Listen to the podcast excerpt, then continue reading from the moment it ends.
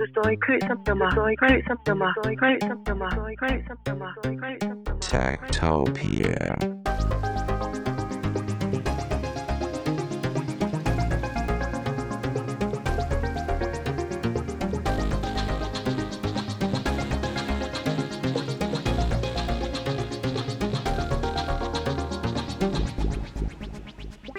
Tektopia er en podcast om mennesker og deres teknologi, udgivet af Ingeniørforeningen IDA i samarbejde med mediehuset Ingeniøren og China Experience, støttet af Innovation Center Danmark, IDA Forsikring og EUT Electronics of Tomorrow. Mit navn er Henrik Føns, og det er mig, der bestemmer i Tektopia. Tektopia.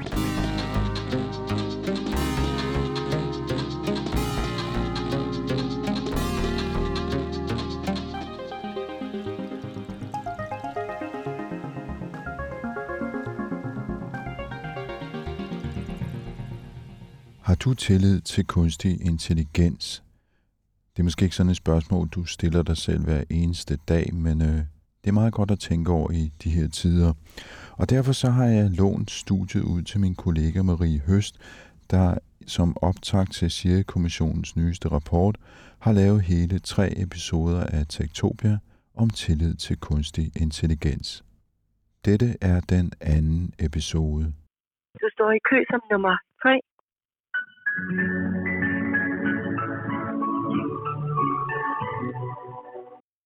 Du står i kø som nummer 3.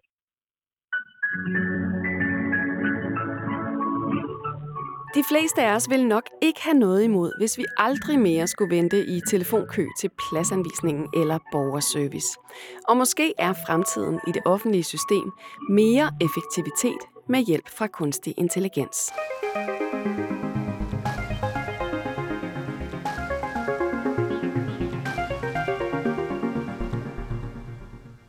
Siri-kommissionen blev sat i verden i 2016 for at se nærmere på, hvad kunstig intelligens egentlig betyder for vores, danskernes liv. Gør det klart, hvor store fordele kunstig intelligens kan føre med sig i for eksempel sundhedssystemet, i transportsektoren, for vores arbejdsliv og for udsatte borgere, men også at vi har et ansvar for selv at sætte grænser for, hvad vi vil tillade, at teknologien bruges til. Jeg har fået lov til at lytte med til Siri-kommissionens arbejde med den aktuelle rapport om brugen af kunstig intelligens i det offentlige velfærdssystem. Sid med og overhøre diskussioner om muligheder, ansvar og etiske og juridiske grænser, mens kommissionsmedlemmerne diskuterede sig frem til de seks anbefalinger, som er i den færdige rapport. Et ord, der gik igen ved alle møderne, og som står mange gange i rapporten, er tillid. At tillid til kunstig intelligens fra danskernes side er en forudsætning for, at brugen af kunstig intelligens kan blive en succes. Hvis vores tillid er det allervigtigste, hvordan opbygger eller fastholder man den så? Og har vi overhovedet grund til at have tillid? Det vil jeg se nærmere på i tre episoder af Tektopia.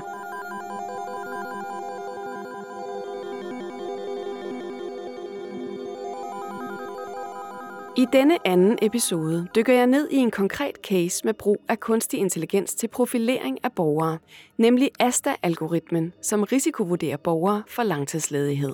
Med profilering følger det forjættende potentiale i at forudse borgeres fremtid, og på den måde undgå, at nogen kommer galt afsted. Et magtfuldt, men måske også problematisk værktøj. For kan man komme med forudsigelser uden at påvirke dem, man profilerer? I forrige episode handlede det om borgerens tillid til det offentlige og til kunstig intelligens, og i denne episode vil jeg se nærmere på sagsbehandleren. For hvordan kan en sagsbehandler stole på, at hendes faglighed er vigtigere end en kunstig intelligens? Og hvordan kan hun stå inden for beslutningerne, hvis hun ikke ved, hvordan de er truffet?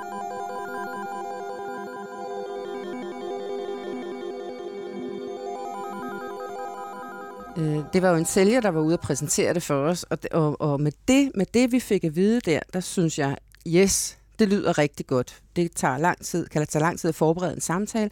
Hvis nogle af tingene, de sådan ligesom kunne blive bragt sammen i et resultat, ville det være en rigtig god støtte. Gitte Vest er arbejdsmarkedsrådgiver i Job- og Virksomhedsservice hos Lyngby Torbæk Kommune. Hun har været en del af en undersøgelse om algoritmer til beslutningsstøtte i det offentlige. Det vil sige, hun er en af de offentlige ansatte rådgivere, som faktisk har prøvet at arbejde med kunstig intelligens.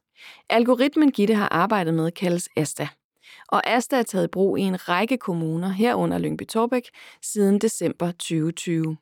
Konkret beregner Asta risikoen for langtidsledighed for den enkelte ledige, som kan være rød, som er høj, gul, som er middel, eller grøn, som er lav. Farven har betydning for aktiveringsforløb og hvor ofte de ledige skal til møde.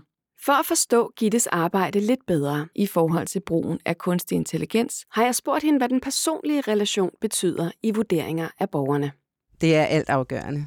Øh, det er, og det er alt afgørende, at jeg får en god relation, for folk til at åbne op. Øh, så jeg kan finde ud af, måske endda få dem til at fortælle mig noget, som de ikke bør fortælle A-kassen. Altså, den personlige relation, den er, den er, den er alt afgørende. Og hvad så, da du skulle bruge det her system for første gang? Øh, hvad var dit første indtryk? Åh, den er, den, den er lidt svær. Jeg var, jeg var stadigvæk ret begejstret i starten. Øh, men vi fandt jo hurtigt ud af, at der var nogle parametre, som de målte på, som ikke hængte sammen. Og hvad tænkte du i forhold til din egen faglighed? Kunne du, øh, havde du tanker omkring, at du måske kunne blive, hvad kan man sige, lyttet mindre til? Ja, men så er jeg jo en af dem, der stiller spørgsmålet. Må jeg så gå ind og danne min egen mening også og ændre øh, den der? Eller skal jeg udelukkende rette mig efter det, selvom jeg sidder og tænker, det dur slet ikke det her? Og det fik vi vores ledelses øh, okay til. Hvis du skal komme på nogle eksempler på nogle borgere, som du undrede dig over, var blevet kategoriseret anderledes, end, end du havde gjort, hvad kunne det så være? Jeg tænker mest, det var på borgere, som, øh, som vi kendte i forvejen. Altså gengangere. Et eksempel på en dame, som havde taget en uddannelse, som hun aldrig havde erfaring i, men stadigvæk holdt på, at hun skulle have ansættelse som sådan. Og så ved vi i øvrigt, at hun har en diagnose og har det ret svært. Så vi ved også, at hun er en af dem, der kommer tilbage, og hun blev kategoriseret grøn. Så, så snart jeg så hendes navn, så tænkte jeg, det der, det passer ikke. Hvad siger du til Astas præcision? Altså i at kategorisere borgerne? Jeg synes, at Schultz slap lidt nemt omkring det, fordi gruppen af de gule, som jo må sige at være, øh, man bruger også ordet average på et godt dansk, at, at der var for mange i den kategori. Så hvis der var nyledige, øh, for eksempel 50 på en måned, så ville øh, 40 af dem måske være gule, og fem røde og fem grønne. Så den gule er på en eller anden måde det lette svar, fordi det er ja. langt de fleste er alligevel. Ja. Så efter du havde brugt systemet Asta et stykke tid, hvordan havde du det så med det? Jeg brugte det nok mindre og gik min egne veje i forhold til den arbejdsgang, som vi egentlig havde aftalt, at man skulle gøre, øh, men begyndte så bare selv at handle. Så du stolede faktisk ikke på dens vurderinger længere? Nej. Gitte endte altså med at miste tilliden til Asta-algoritmen, fordi hun simpelthen ikke syntes, det var præcis nok til, at hun kunne stole på den. Og jeg vil meget gerne have spurgt IT-virksomheden Schultz, som har udviklet Asta, hvad de siger til, at sagsbehandlerne i Lyngby Torbæk Kommune ikke synes, den hjalp dem i deres arbejde. Men Schultz aflyste desværre vores interviewaftale, fordi de alligevel ikke ønskede at medvirke i denne podcast.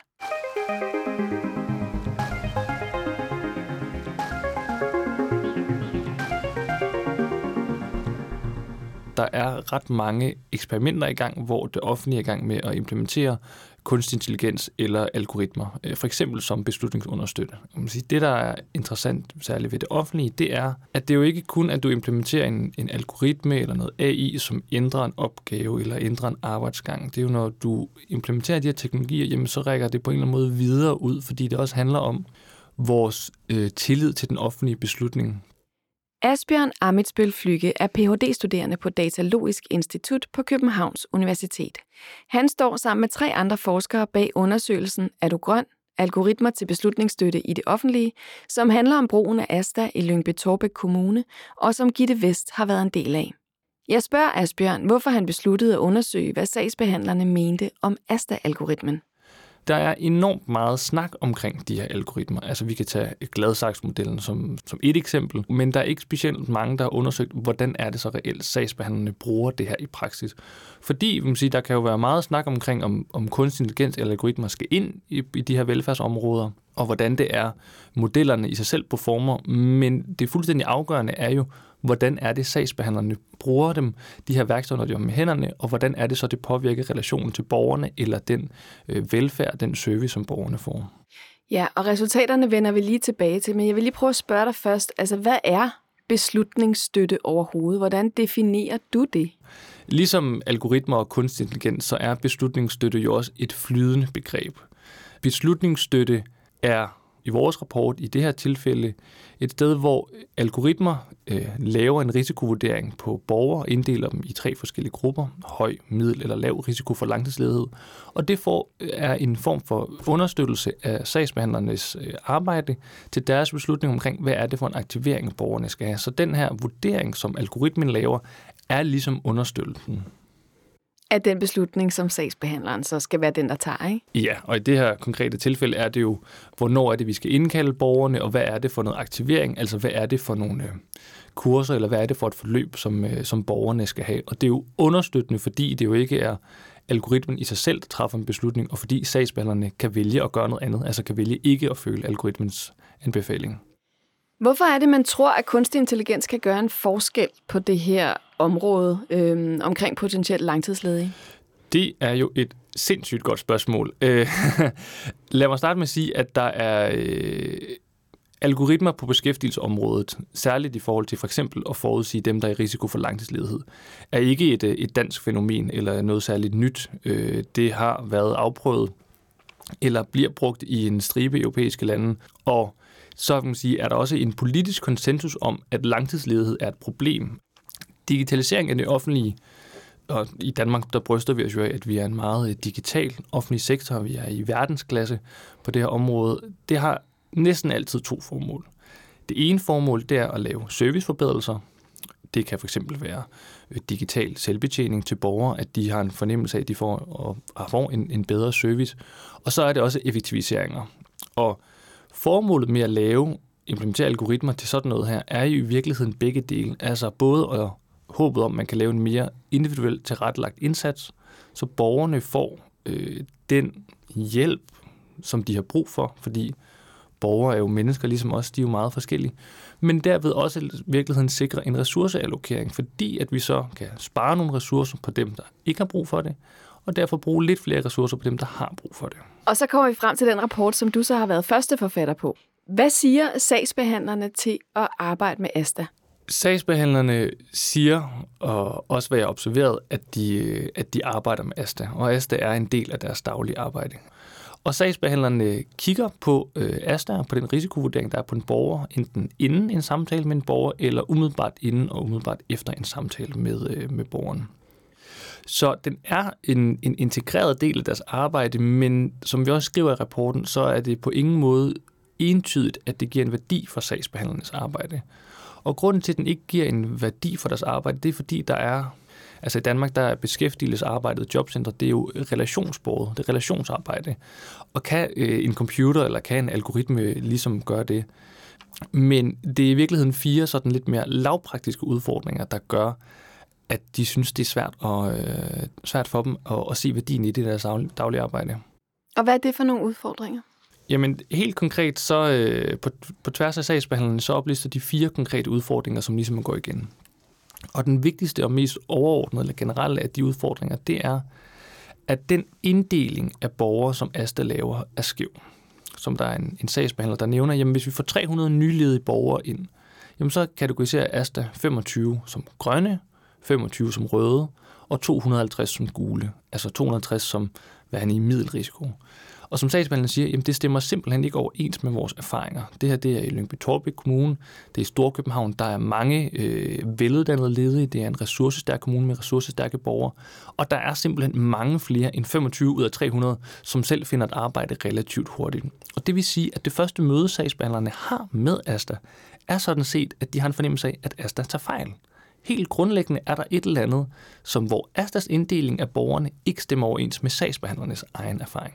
Og det er jo vigtigt at understrege her, at sagsbehandlerne kan jo også tage fejl. De kan jo også øh, være fordomsfulde.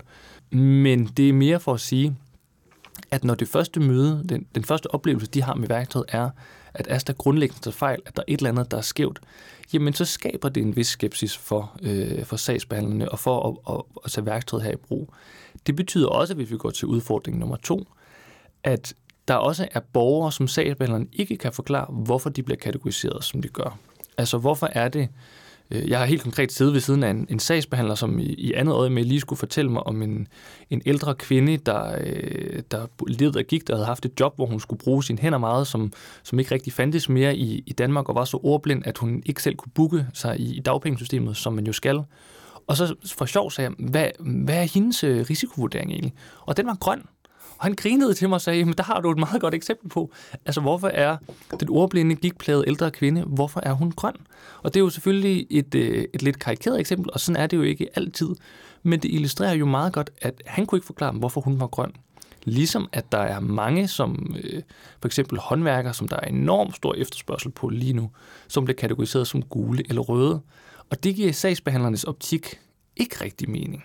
Kan sagsbehandlerne gå ind og, og se, hvilke parametre, som Asta har vurderet de her ledige ud fra? Det kan de godt.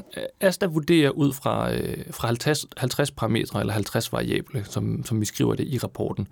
Og det kan de godt, men de er ikke, det er ikke en del af deres arbejdsgang. De er ikke forpligtet til at gå ind og se på det. Og hvis de gør det, hvis de åbner det journalnotat i deres system, jamen så får de en lang liste, 50 øh, linjer helt konkret, med et øh, spørgsmål, for eksempel, øh, hvad var øh, borgers alder, da forløbet startede, og så svaret på det spørgsmål for borgeren, hvis øh, data altså har været tilgængelige. For som der er nogle af dem, der siger, jamen særligt for de gule borgere, altså dem, der er kategoriseret som middelrisiko, jamen der står der ret ofte, hvis de går ned og kigger på den her liste af variable, at værdi var ikke tilgængelig. Altså, Asta kunne simpelthen ikke finde data på den her konkrete variabel, som jo så også gør, at vurderingen bliver mere upræcis. Så Asta har placeret borgerne i en gul kategori, når den ikke har haft data nok? Ja. Og så når vi frem til udfordring nummer tre. Ja, jamen så er udfordring nummer tre, at sagsbehandlerne og ledelsen i virkeligheden også heller ikke er klar over, hvor præcis Asta er i sin vurdering. Altså, er Asta bedre til at finde de grønne end de røde? Og hvor sikker er den egentlig? Altså, er den 90% sikker på de grønne, og 70% på de røde, og 50% på de gule? Eller er det omvendt? Og det er jo problematisk for sagsbehandlerne, fordi Asta undersøger jo risiko for langtidsledighed. Og risiko for langtidsledighed er en essentiel del af sagsbehandlernes arbejde og vurdering af borgerne, men det er ikke alt. Sagsbehandlerne kigger jo på en lang række parametre. Hvad er det for et menneske, der kommer ind ad døren? Og derfor så er det relevant for sagsbehandleren at vide, hvor præcis er Asta i sin kategorisering af borgerne, fordi det er jo noget, som sagsbehandleren, noget information, som sagsbehandleren skal tage og putte ind i kontekst i deres samlede vurdering af borgeren, når de nemlig skal lave det, som, som de selv beskriver som en helhedsvurdering af borgeren, for at finde ud af, jamen, hvor, hvordan er det, vi bedst kan hjælpe det her menneske tilbage til at finde arbejde. Og giver Asta nogen som helst indikation af det, jeg er 40% sikker på det her skøn. Jeg er 70% sikker på det her skøn. Nej, det gør jeg stadig ikke. Det kunne sagsbehandlerne rigtig godt tænke sig, at, at den gjorde, men det gør den ikke på nuværende tidspunkt. Og hvad er den fjerde udfordring? Den fjerde udfordring ifølge sagsbehandlerne, det er, at der er flere af de variable, altså de 50 variable, som ligger til grund for ASTA, som sagsbehandlerne finder irrelevante der er jo 50 variable, og jeg har lige jeg har fulgt fire sagsbehandlere, og jeg har fået dem alle sammen til at tage stilling til hver enkelt af de her 50 variable.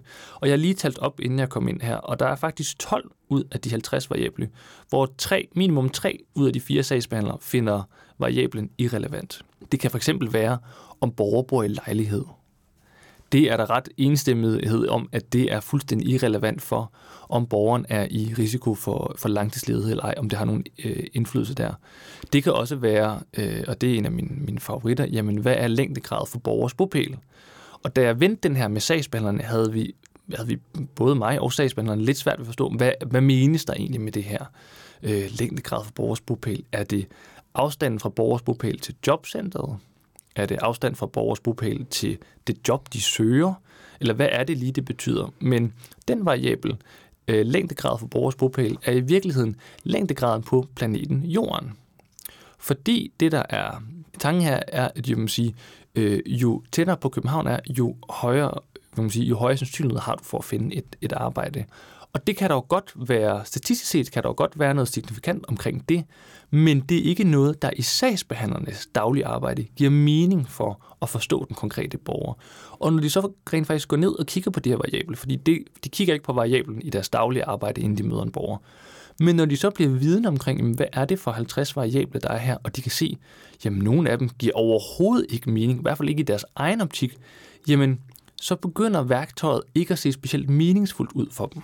Mødte, mødte sagsbehandlerne værktøjet med, med skepsis eller med, med, hvad kan man sige, nysgerrighed fra starten? Jeg tror, at sagsbehandlere har nok mødt dem øh, værktøjet med, med lige dele øh, skepsis og nysgerrighed. Det er lidt afhængigt af, hvem er sagsbehandleren, man spørger, fordi sagsbehandlerne er jo også forskellige. Ligesom der er øh, nogle af sagsbehandlerne, som principielt er mere imod brugen af sådan nogle værktøjer her, fordi hvordan kan en, en computer gå ind og, øh, og profilere et menneske, inden vi overhovedet har mødt dem, når, når mødet mellem borger og sagsbehandler er enormt vigtigt, og, og når noget af det, som man ved, der betyder meget for lediges mulighed for at komme tilbage i job, er for eksempel, at sagsbehandlerne tror på, at de nok skal komme tilbage i job. Den lediges egen tro er også enormt vigtig, men den her tro på, at borger kan forandre sin tilstand og komme tilbage til job, betyder faktisk noget. Øhm, så på den måde er der en vis skepsis, det der med at prøve at forudsige noget, inden man har mødt borgerne.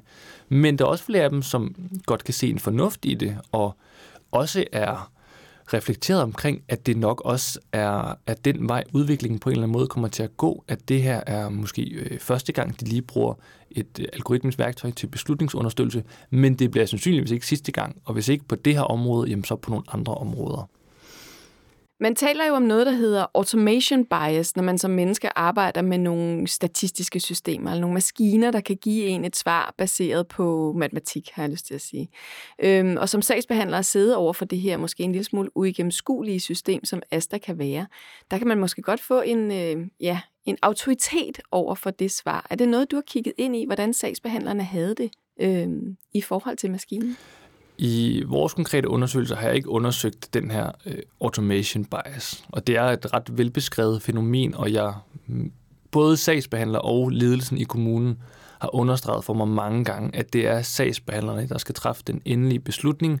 Det er deres vurdering. Øh, selvfølgelig, den bliver jo ikke truffet individuelt. Den, laver, den vurdering laver de jo ofte i samarbejde med borgeren i løbet af, af deres første møde. Øh, der er den endelige. Og derved, at det er sagsbehandlerens beslutning, der er den endelige, og at ASTA kun skal være en understøttelse af den beslutning, og at ASTA så har de øh, konkrete udfordringer, som, som vi lige har skitseret, gør i hvert fald, at jeg formoder ikke, at automation bias er et issue i, øh, i den her sag. Hvis nu de øh, skulle følge ASTAs anbefaling, uanset hvad de selv mener om den sag, og de brugte systemet i to år, øh, så vil jeg tro, det var en anden sag. Ja, for jeg tænker også, at travlhed må spille ind i, hvor meget man læner sig op af sådan et system her, fordi sagsbehandlernes faglighed er selvfølgelig det vigtigste, og også deres egen, øh, hvad kan man sige, fokus på helhedsvurdering, som du beskriver, men hvis man har rigtig mange borgere, man skal se, og man så har et system, som kan give en et relativt hurtigt svar, så kan man vel godt komme til at læne sig lidt meget op af det. Det har du fuldstændig ret i, og, øh, og det ved vi også fra andre eksempler, altså for eksempel i, øh, i USA og andre steder, at det, øh, at det kommer til at ske, eller det, det er der i hvert fald risiko for, at det kommer til at ske. Derfor er det også enormt vigtigt, at vi laver sådan nogle praksisundersøgelser af, hvordan er det, de her værktøjer rent faktisk bliver brugt, for netop at finde ud af, jamen er automation bias, er det et issue, hvor travlt føler sagsbehandlerne selv, de har? Og der er ikke nogen tvivl om, at sagsbehandlerne, også i Lyngby Kommune, også i mange andre kommuner, har enormt travlt. Altså særligt øh, man sige, under corona, og når mange sagsbehandlere er blevet telefoniske, jamen så har sagsbehandlere jo op mod 5 til 7, 8 samtaler om dagen. Og det er jo altså rigtig mange mennesker, rigtig mange borgere og livssituationer, øh, ledighedshistorikker, CV at skulle sætte sig ind i. Og der kan jeg godt forestille mig, at automation bias kunne blive et problem. Hvad tænker du, at der skal til for, at en beslutningsstøttende algoritme som Asta kan være en fordel for alle, altså både for sagsbehandlerne og for borgerne og for kommunen? Altså, det er jo et, et rigtig godt spørgsmål. Jeg tror, at det som... Man skal jo gøre sig klart, hvem er det, man, man vil lave de her værktøjer for, og lave de her værktøjer til. Jeg kunne godt tænke mig, at vi måske prøvede i højere grad at lave noget til borgerne, og ikke om borgerne. Øhm, altså det er sådan med, og det er måske mere udbredt for eksempel i lande som USA, men jeg tror også, det kommer til at ske i dag, måske sker på en eller anden måde allerede i dag, at vi altid profilerer nedad. Altså vi kigger altid derhen, hvor vi har meget data. Og de mennesker, de borgere, vi har meget data på, er de mennesker, som typisk allerede er i systemet.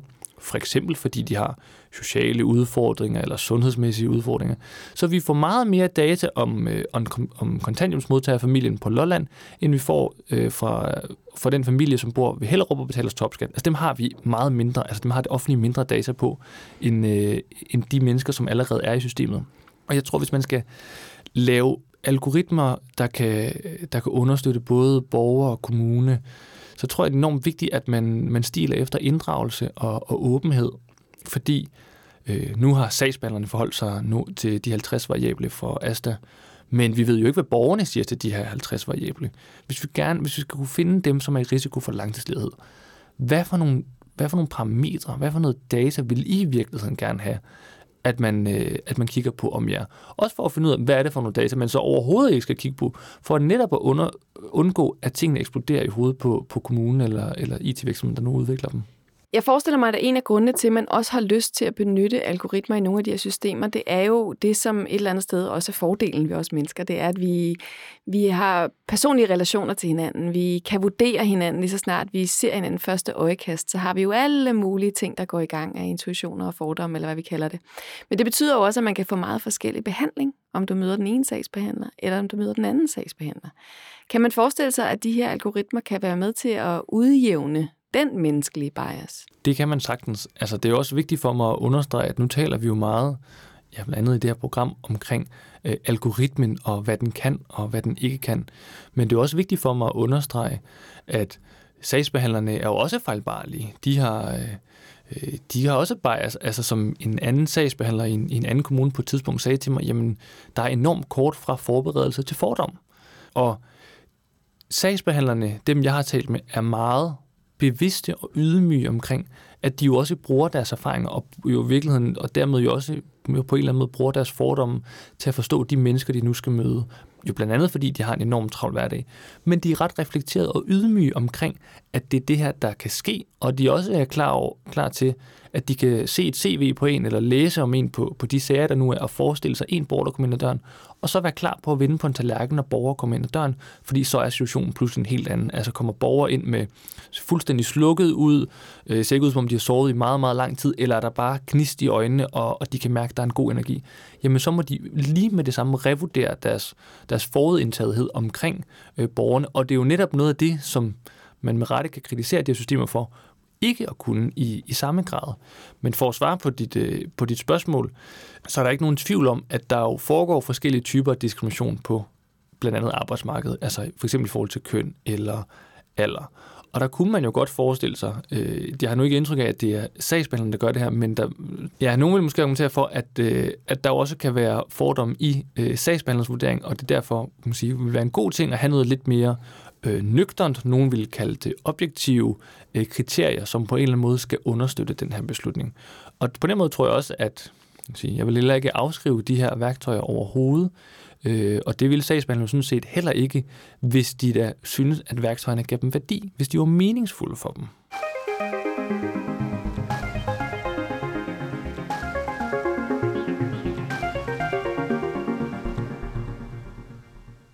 Selvom man gør sig umage for at skabe algoritmer, som ikke forskelsbehandler og som er transparente, så er det ikke nødvendigvis nok.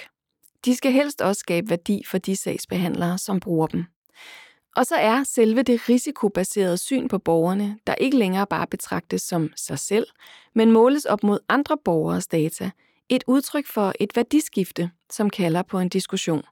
Det mener Helene Fris Ratner. Det har længe været en udfordring, at det er svært for borgeren at få sin egen stemme igennem, og borgeren ikke altid oplever, at, at borgerens forståelse af, hvad mine problemer er, hvad mine udfordringer er, at det er dem, der bliver hørt, at det er systemets forståelse af problemer, der bliver de dominerende, og som borgeren skal passe ind i. Og det, der bliver interessant med de prædiktive algoritmer, det er jo, hvordan vil de spille sammen med, med, med, med den form for identitetsskabelse som borger i den offentlige forvaltning. Vil det yderligere, hvad kan man sige, gruppere borgere og putte dem ned i nogle kasser, hvor de føler, at de ikke øh, kan være med til at definere deres egen identitet, deres egne behov? Eller kan det også være med til at gøre op med nogle af de fordomme, der måske eksisterer i den offentlige forvaltning? Det er jo et åbent spørgsmål. Helene Fris Ratner er lektor i uddannelsesvidenskab ved DPU, Danmarks Institut for Pædagogik og Uddannelse, og så leder hun ADD-projektets empiriske undersøgelser. Hun undersøger den offentlige forvaltningsbrug af kunstig intelligens til at forudsige borgers risici og adfærd, og de dataetiske spørgsmål, der følger med. Det, som prædiktive algoritmer eller algoritmer baseret på maskinlæring gør, det er, at det grupperer borgere i forhold til dem, de minder om statistisk set. Og så er der en antagelse om, at Dem, de minder om, de vil få lignende sagsforløb eller lignende udfordringer, eller vil nyde gavn af lignende form for behandlinger. Så det, man bruger dem til, det er altså at forudsige borgers fremtidige behov, fremtidige øh, problemer eller udfordringer, og så kan man tilrettelægge interventioner mere præcist. Det betyder også, at man kan handle på andet og mere end borgerens aktuelle situation. Vi kan handle på en sandsynlig fremtid, og her er det jo vigtigt at sige, at den er sandsynlig. Den er ikke sikker. Det betyder også, at den offentlige forvaltning møder borgeren med henblik på at fremme en ønsket adfærd, eller foregribe eller forebygge noget sker. Så man begynder altså at handle på fremtiden på en anden måde, end man har gjort tidligere, fordi fremtiden pludselig bliver noget, man kan håndtere i nutiden. Hvilke potentialer og hvilke faldgrupper ser du ved at bruge profileringssystemer som de her til at forudse borgernes fremtid? Noget af det, man diskuterer rigtig meget, det er bias i algoritmer. Og bias, kan man sige, det er nogle indbyggede fordomme, kodificerede fordomme om borgerne. Det kan være i forhold til køn, eller alder, eller etnicitet, og det vil typisk ramme minoriteter eller marginaliserede befolkningsgrupper. Så helt aktuelt så har Institut for Menneskerettigheder jo indbragt Styrelsen for Arbejdsmarked og Rekruttering, STAR, de har udviklet en algoritme, der skal forudsige borgers risiko for langtidsledighed, og heri indgår etnicitet. Og det øh, vurderer de er diskriminerende, så derfor har de indbragt dem for ligebehandlingsnævnet. Og hvis vi ser internationalt, så er der også, det er også nogle af de store udfordringer, der er, at algoritmer simpelthen fejlagtigt øh, vurderer for eksempel i sager om social bedrageri, øh, så, så har der været sager både i Holland og Australien, hvor algoritmer fejlagtigt har øh, vurderet, at borgere har været sociale bedragere og skylder det offentlige. Og det har jo haft store konsekvenser for de familier, som ikke har fået de ydelser, de egentlig havde ret til. Og i Holland var det for eksempel et dobbelt statsborgerskab, som, som indgik i den algoritme, og regeringen har måttet gå af på baggrund af det. Ikke? Så, så der har været nogle meget voldsomme og alvorlige sager med bias og diskrimination. Bare lige for at tage den anden side også, altså det har vel også nogle potentialer, denne her, øh, hvad kan man sige, kiggen ind i fremtiden, som man på en eller anden måde gør med de her prædiktive algoritmer. Hvad er det, hvorfor er det, de er så populære? Hvorfor er det, man så gerne vil have dem integreret? Der er mange potentialer. Øhm, for det første, så kan vi jo noget nyt med den computerkraft, vi har i dag i forhold til tidligere. Vi har også store datasæt, som vi bør lære af nogle af de ting, man gerne vil anvende den til, det kan jo være alt i forhold til at risikovurdere borgere i situationer, hvor der er stor usikkerhed. For eksempel øh, på underretningsområdet på udsatte børn og unge. Der har den offentlige forvaltning jo en pligt til at risikovurdere øh, de børn, der kommer underretninger på inden for 24 timer. Og mængden af underretninger er steget voldsomt. Så det er et område, hvor man er meget presset på tid og ressourcer – Samtidig skal man lave de her risikovurderinger i en situation, med stor, der er karakteriseret af stor usikkerhed. Det er meget varierende, hvor meget information der er i en underretning. Øh, måske er der en sag på familien i forvejen, måske er det ikke, så det er også meget varierende, hvor meget man egentlig ved om det her barn. Øh, og sagsbehandlerne og socialrådgiverne beskriver allerede det her som en, en svær situation, hvor de måske savner øh, nogle, nogle retningslinjer. Hvis prædiktive algoritmer så kan skabe mere præcision her og hjælpe dem øh, og reducere noget af den usikkerhed. Det er jo nogle af de forhåbninger, der er, når man gerne vil anvende dem på, på udsatte børn- og ungeområdet. Hvad er det, vi mangler at diskutere efter din mening i forhold til brugen af prædiktive algoritmer? En af de ting, jeg synes, der er super vigtigt at diskutere, øh, det er jo også risikoen for, at man bliver fastlåst og fastholdt i en identitet som udsat og marginaliseret. En central fortælling i den danske velfærdsstat, det er jo fortællingen om mønsterbruderen, altså at du føler en kontanthjælpsmodtager, men du kan stadigvæk ende med at blive professor på universitetet i princippet, fordi vi har gratis uddannelse og et stærkt socialt sikkerhedsnet i Danmark. Hvad sker der så, hvis øh, det her barn løbende bliver mødt med negative forventninger om, du kommer ikke til at klare dig lige så godt som dine jævnaldrende. Du er i større risiko for at droppe ud. Du er i større risiko for ikke at trives. Du er i større risiko for ikke at lære den type negative forventninger øh, risikerer os at marginalisere og stigmatisere. Og hvad kan man sige? Det er ikke kun en problemstilling, vi har med algoritmer. Kategoriseringer af borgere kan både fastholde dem i nogle marginaliserede positioner, men det kan selvfølgelig også være forudsætning for, at de får den hjælp, de har behov for. Så det paradoks, der allerede eksisterer, det bliver der måske forstærket, når vi også begynder at anvende prædiktive algoritmer. Man taler jo om, at, at de her systemer de skal bruges som beslutningsstøtte, i stedet for at være besluttende.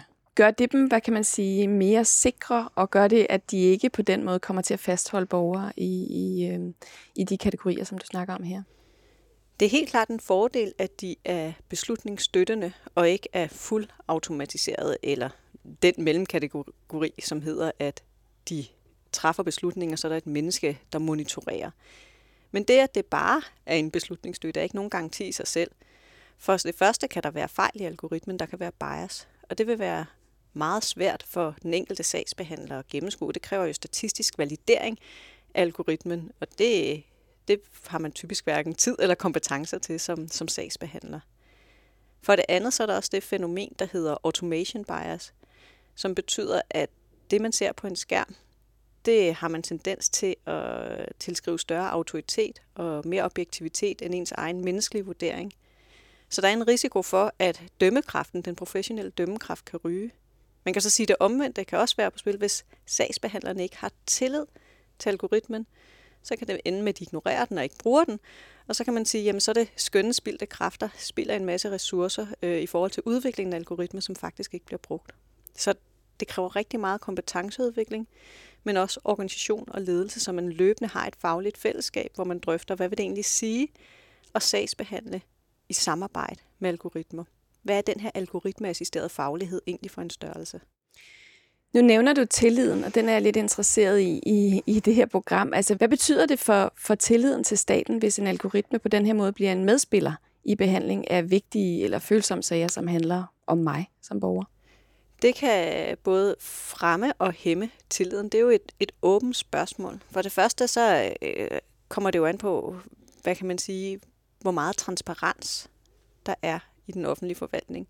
Lige nu er et af problemerne, at vi faktisk ikke har noget offentligt register, så vi kan ikke se, hvor der indgår øh, prædiktive algoritmer eller profileringer af borgere. Så vi har faktisk reelt ikke indblik i, hvornår er det et menneske, og hvornår det er en computer, og hvordan, hvornår det er en kombination, der træffer en beslutning. Så transparens og åbenhed, det er helt afgørende for at skabe den her tillid. Noget andet er også, synes jeg, og det, det synes jeg, vi mangler, det er en mere offentlig demokratisk samtale om, hvordan vi egentlig synes, staten skal bruge al den data, den har indsamlet. Og der er Danmark jo helt unik i et internationalt perspektiv, fordi vi har vores CPR-nummer, som bliver anvendt som journalnummer over alt i den offentlige sektor, og det giver altså helt unikke muligheder for at sammenkøre data.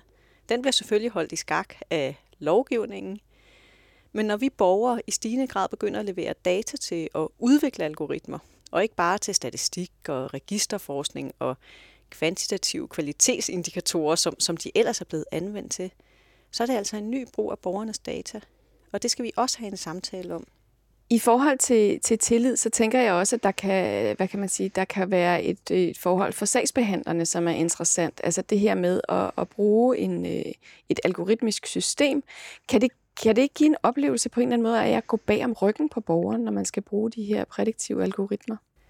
En af de bekymringer, øh, der er udtalt blandt sagsbehandlere, det er jo især i på de områder, hvor det relationelle arbejde, hvor det tillidsopbyggende arbejde øh, fylder meget og er afgørende for en god sagsbehandling, så kan der godt være en bekymring for, at hvis algoritmen bliver for dominerende, at der så, det så også medfører en dehumanisering, og det er på bekostning af den tillidsskabende relation. Omvendt så tror jeg også, der er mange borgere, der ikke rigtig ved, hvad der foregår i hovedet på, på sagsbehandlerne. Så hvis det er, at man, mm, de bliver tvunget til at eksplicitere og forklare, jamen det her det er faktisk algoritmen, der siger sådan, og jeg har vurderet sådan og sådan, så er der også mulighed for transparens. Men det er et spørgsmål om, hvordan man organiserer det. Et vigtigt spørgsmål i forhold til det her med gå bag om ryggen, det er jo også, hvornår og hvordan bliver borgerne inddraget. Ser man borgerne som nogen, der er objekter for den algoritmiske sagsbehandling? Eller hører man dem også indledende, om de overhovedet synes, det er en god idé? Hvad er det, de savner i deres møde med forvaltningen? Hvor er det, de savner mere præcision, mere kvalitet? Så deres stemme faktisk også indgår, inden man træffer beslutningen om, hvorvidt vi overhovedet skal anvende den her form for beslutningsstøtte. Og der er jo forskellige teknikker til borgerinddragelse og demokratiske samtaler, som som, hvor, hvor jeg ser, at det, det vil være meget vigtigt at inddrage borgernes stemme, og så have den her større og bredere demokratiske samtale om, hvad det er for en offentlig forvaltning, vi vil have, og hvordan vi gerne vil mødes som borgere. En anden side af sagen, det er jo, at øh, vi mennesker jo i høj grad også er fejlbarlige og, hvad kan man sige, kritisable som afgørende faktorer, fordi vi er jo fyldt med fordom, eller bias, som vi også kalder det. Kan algoritmer ikke hjælpe med det? Altså hjælpe med at opnå mindre ulighed i, om du skal sidde og overbevise en enkelt sagsbehandler? Det kommer meget an på, hvordan man har udviklet den her algoritme. For algoritmer er jo udviklet på baggrund af historiske øh, sager. Og hvis de her sager allerede er fyldt med fordomme og diskriminerende beslutninger, jamen så bliver de jo lavet om til kode og generelle regler, som også bliver anvendt fremadrettet. Og så kan det blive en selvforstærkende effekt. Hvis man omvendt går ind og validerer algoritmerne og laver nogle analyser på dem i forhold til bias osv., så, så kan man jo håbe på, at, at, at, at, at sagsbehandleren vil tænke sig om en ekstra gang, før han eller hun vurderer, at en borger har et særligt behov eller i høj risiko for det eller hin på baggrund af for eksempel etnicitet eller socioøkonomisk baggrund.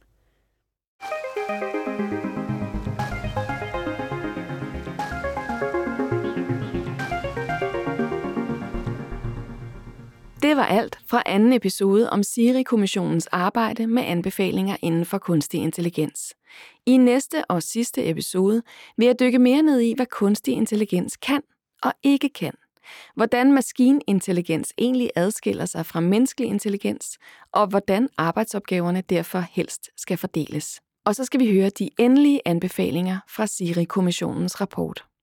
Denne Siri-kommission Special i Tektopia er produceret af Ingeniørforeningen IDA i samarbejde med Tina Ryun Andersen og Grit Munk. Den er tilrettelagt, redigeret og beværtet af mig. Jeg hedder Marie Høst. Vi høres ved her i Tektopia i næste uge.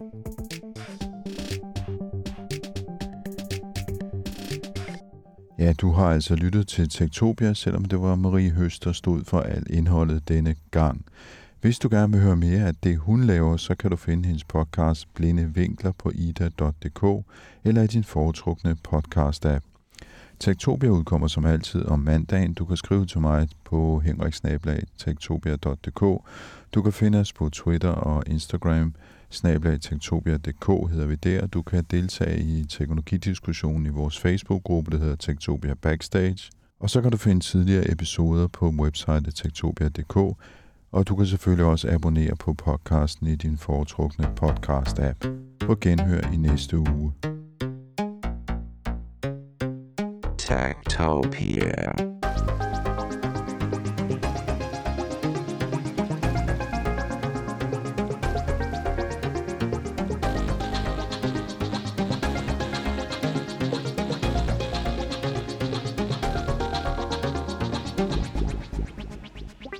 Tektopia er en podcast om mennesker og deres teknologi, udgivet af Ingeniørforeningen IDA i samarbejde med mediehuset Ingeniøren og China Experience, støttet af Innovation Center Danmark, IDA Forsikring og EUT Electronics of Tomorrow. Mit navn er Henrik Føns, og det er mig, der bestemmer i Tektopia. Tactopia.